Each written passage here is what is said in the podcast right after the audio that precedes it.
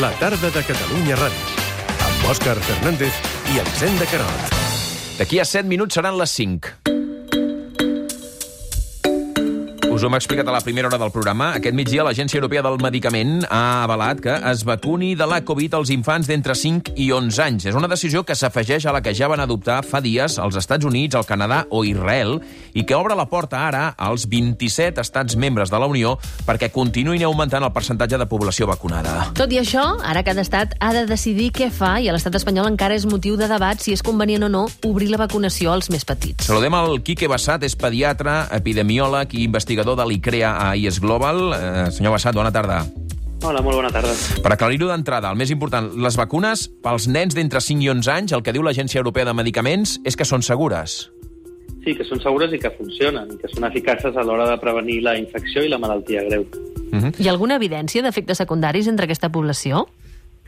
Sí, totes les vacunes, aquestes i les d'altres malalties, tenen sempre un perfil de, de seguretat definit, no? I el que fa l'Agència Europea del Medicament o qualsevol agència regulatòria és eh, definir si el risc o el, és superior o inferior al benefici. La, les vacunes específicament de Covid tenen efectes secundaris. Els adults que les hem provat els hem experimentat. La gran majoria són lleus, afortunadament, i els efectes que són més greus són extraordinàriament infreqüents, amb la qual el benefici sempre està per sobre del, del potencial risc. Mm. Eh, Quins arguments hi ha a favor de vacunar els nens? Perquè havíem sentit fins ara alguns pediatres que deien home, aquest eh, risc-benefici en uns nens que passen la Covid d'una manera més lleu que no pas als adults, potser no caldria o seria, no seria el més eh, prioritari ara mateix. Quins arguments hi ha a favor de vacunar els nens? Sí, jo sóc el primer que fa un parell de mesos defenia que no hi havia cap urgència de vacunar els, els nens. La situació epidemiològica al setembre era fantàstica, teníem una incidència baixíssima a tot el país i, a més, les escoles van reobrir sense grans problemes. La situació actual és dramàticament diferent. Eh, els nens estan protagonitzant les noves infeccions, són el grup d'edat que ha crescut més en termes d'incidència, eh, tenen més de 100 punts de diferència davant del segon grup més amb, amb incidència més gran, i, el, i, i la situació a les escoles està començant a canviar. Estem començant a detectar alguns brots a, a les escoles, sobretot entre el grup de menors de 12 anys, que són els que no estan vacunats. Amb la qual ara, ara la situació és diferent i ara sembla que sí que és més convenient vacunar els nens perquè gràcies a la vacunació dels nens ajudarem a controlar la, la, l'augment de casos que estem veient a nivell nacional. Mm. Sembla que nosaltres no ho acabem de tenir clar i tampoc la nostra audiència, perquè de vegades hem rebut missatges a les xarxes socials en aquest sentit. Una persona vacunada contagia menys, contagia durant menys dies que una persona no vacunada. No vacunada? Exactament, sí, així, això és absolutament cert. Una persona vacunada té menys risc d'infectar-se, primer, quan s'infecta és infecciosa durant menys temps i és menys probable que infecti a una altra persona. El que passa és que no és impossible que una persona vacunada s'infecti o infecti els altres. El que passa és que ho fa, ho, ho fa de manera menys eficient. Uh -huh. eh, però, però que quedi molt clar que el, el vacunat està molt protegit davant la malaltia greu, sobretot, que és el que ens interessa més evitar, però també davant de la infecció, el que passa que no, no és invulnerable a infectar-se. Entenc que eh, fins i tot pares que estan vacunats i que no han tingut cap dubte de posar-se ells la vacuna, a l'hora de vacunar el seu fill menor de 12 anys, tenen com una mica més de prevenció. És a dir, el meu fill em costa una mica més d'acceptar-ho. És comprensible aquesta reacció? Absolutament, és un dubte legítim i els que tenim fills petits eh, i, no, i encara que siguem pediatres ens ho plantegem, lògicament. Eh, sempre, sempre la salut dels nostres petits és el que més ens, ens preocupa. Per tranquil·litzar aquests pares, eh, que seran molts, eh, jo diria que hi ha poques vacunes en el món que hagin distribuït 8.000 milions de dosis en els darrers 11 mesos. Eh, tocaria una vacuna per persona del món si estiguessin ben distribuïdes, que no ho estan.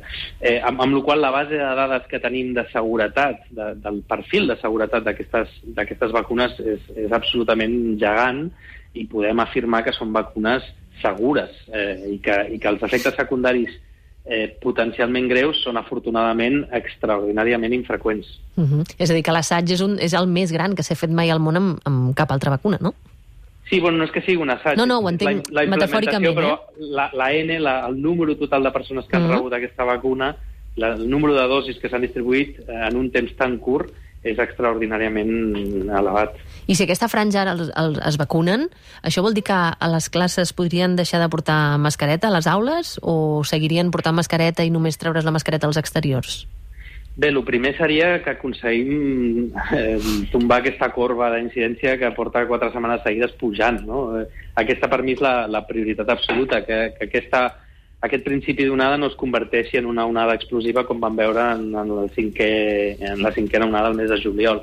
Eh, un cop les xifres es normalitzin ja tornarem a parlar de, de com es eh, flexibilitzen les mesures de prevenció a les, a les escoles, però ara mateix al revés, si s'ha de fer alguna cosa és endurir-les i no, i no flexibilitzar-les. -huh. Però una cosa que està clara és que els nens vacunats menors de 12 anys eh, podran no, no hauran de fer confinament si hi ha un cas positiu al seu grup bombolla o a la seva classe, com ja, com ja passa amb els adolescents. Això és un gran avantatge, també. Mm. Eh, hi ha gent que ens està demanant si la, la confirmació que la vacuna s'ha aprovat en nens. Clar, clar que s'ha aprovat en nens. El que, està, el que ha estat avaluant en detall l'Agència Europea del Medicament igual que ho va fer la FDA americana fa un mes, és el, és el dossier sencer de tot l'assaig clínic que s'ha fet en, en, en milers de nens, eh, on s'ha avaluat la vacuna, sobretot fixant-se en la seguretat i en l'eficàcia. Mm -hmm.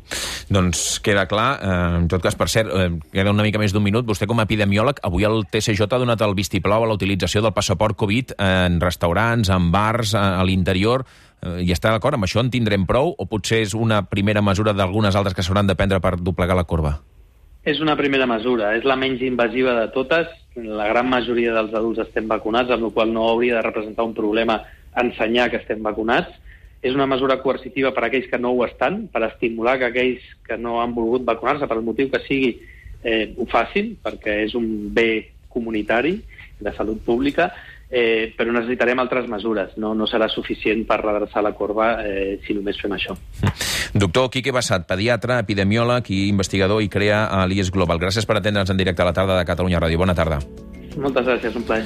Eh, queden 30 segons per arribar a les 5 de la tarda. De seguida el butlletí i després ens acompanyarà un dels cantants de moda que tenim ara mateix a casa nostra. Nil Moliner.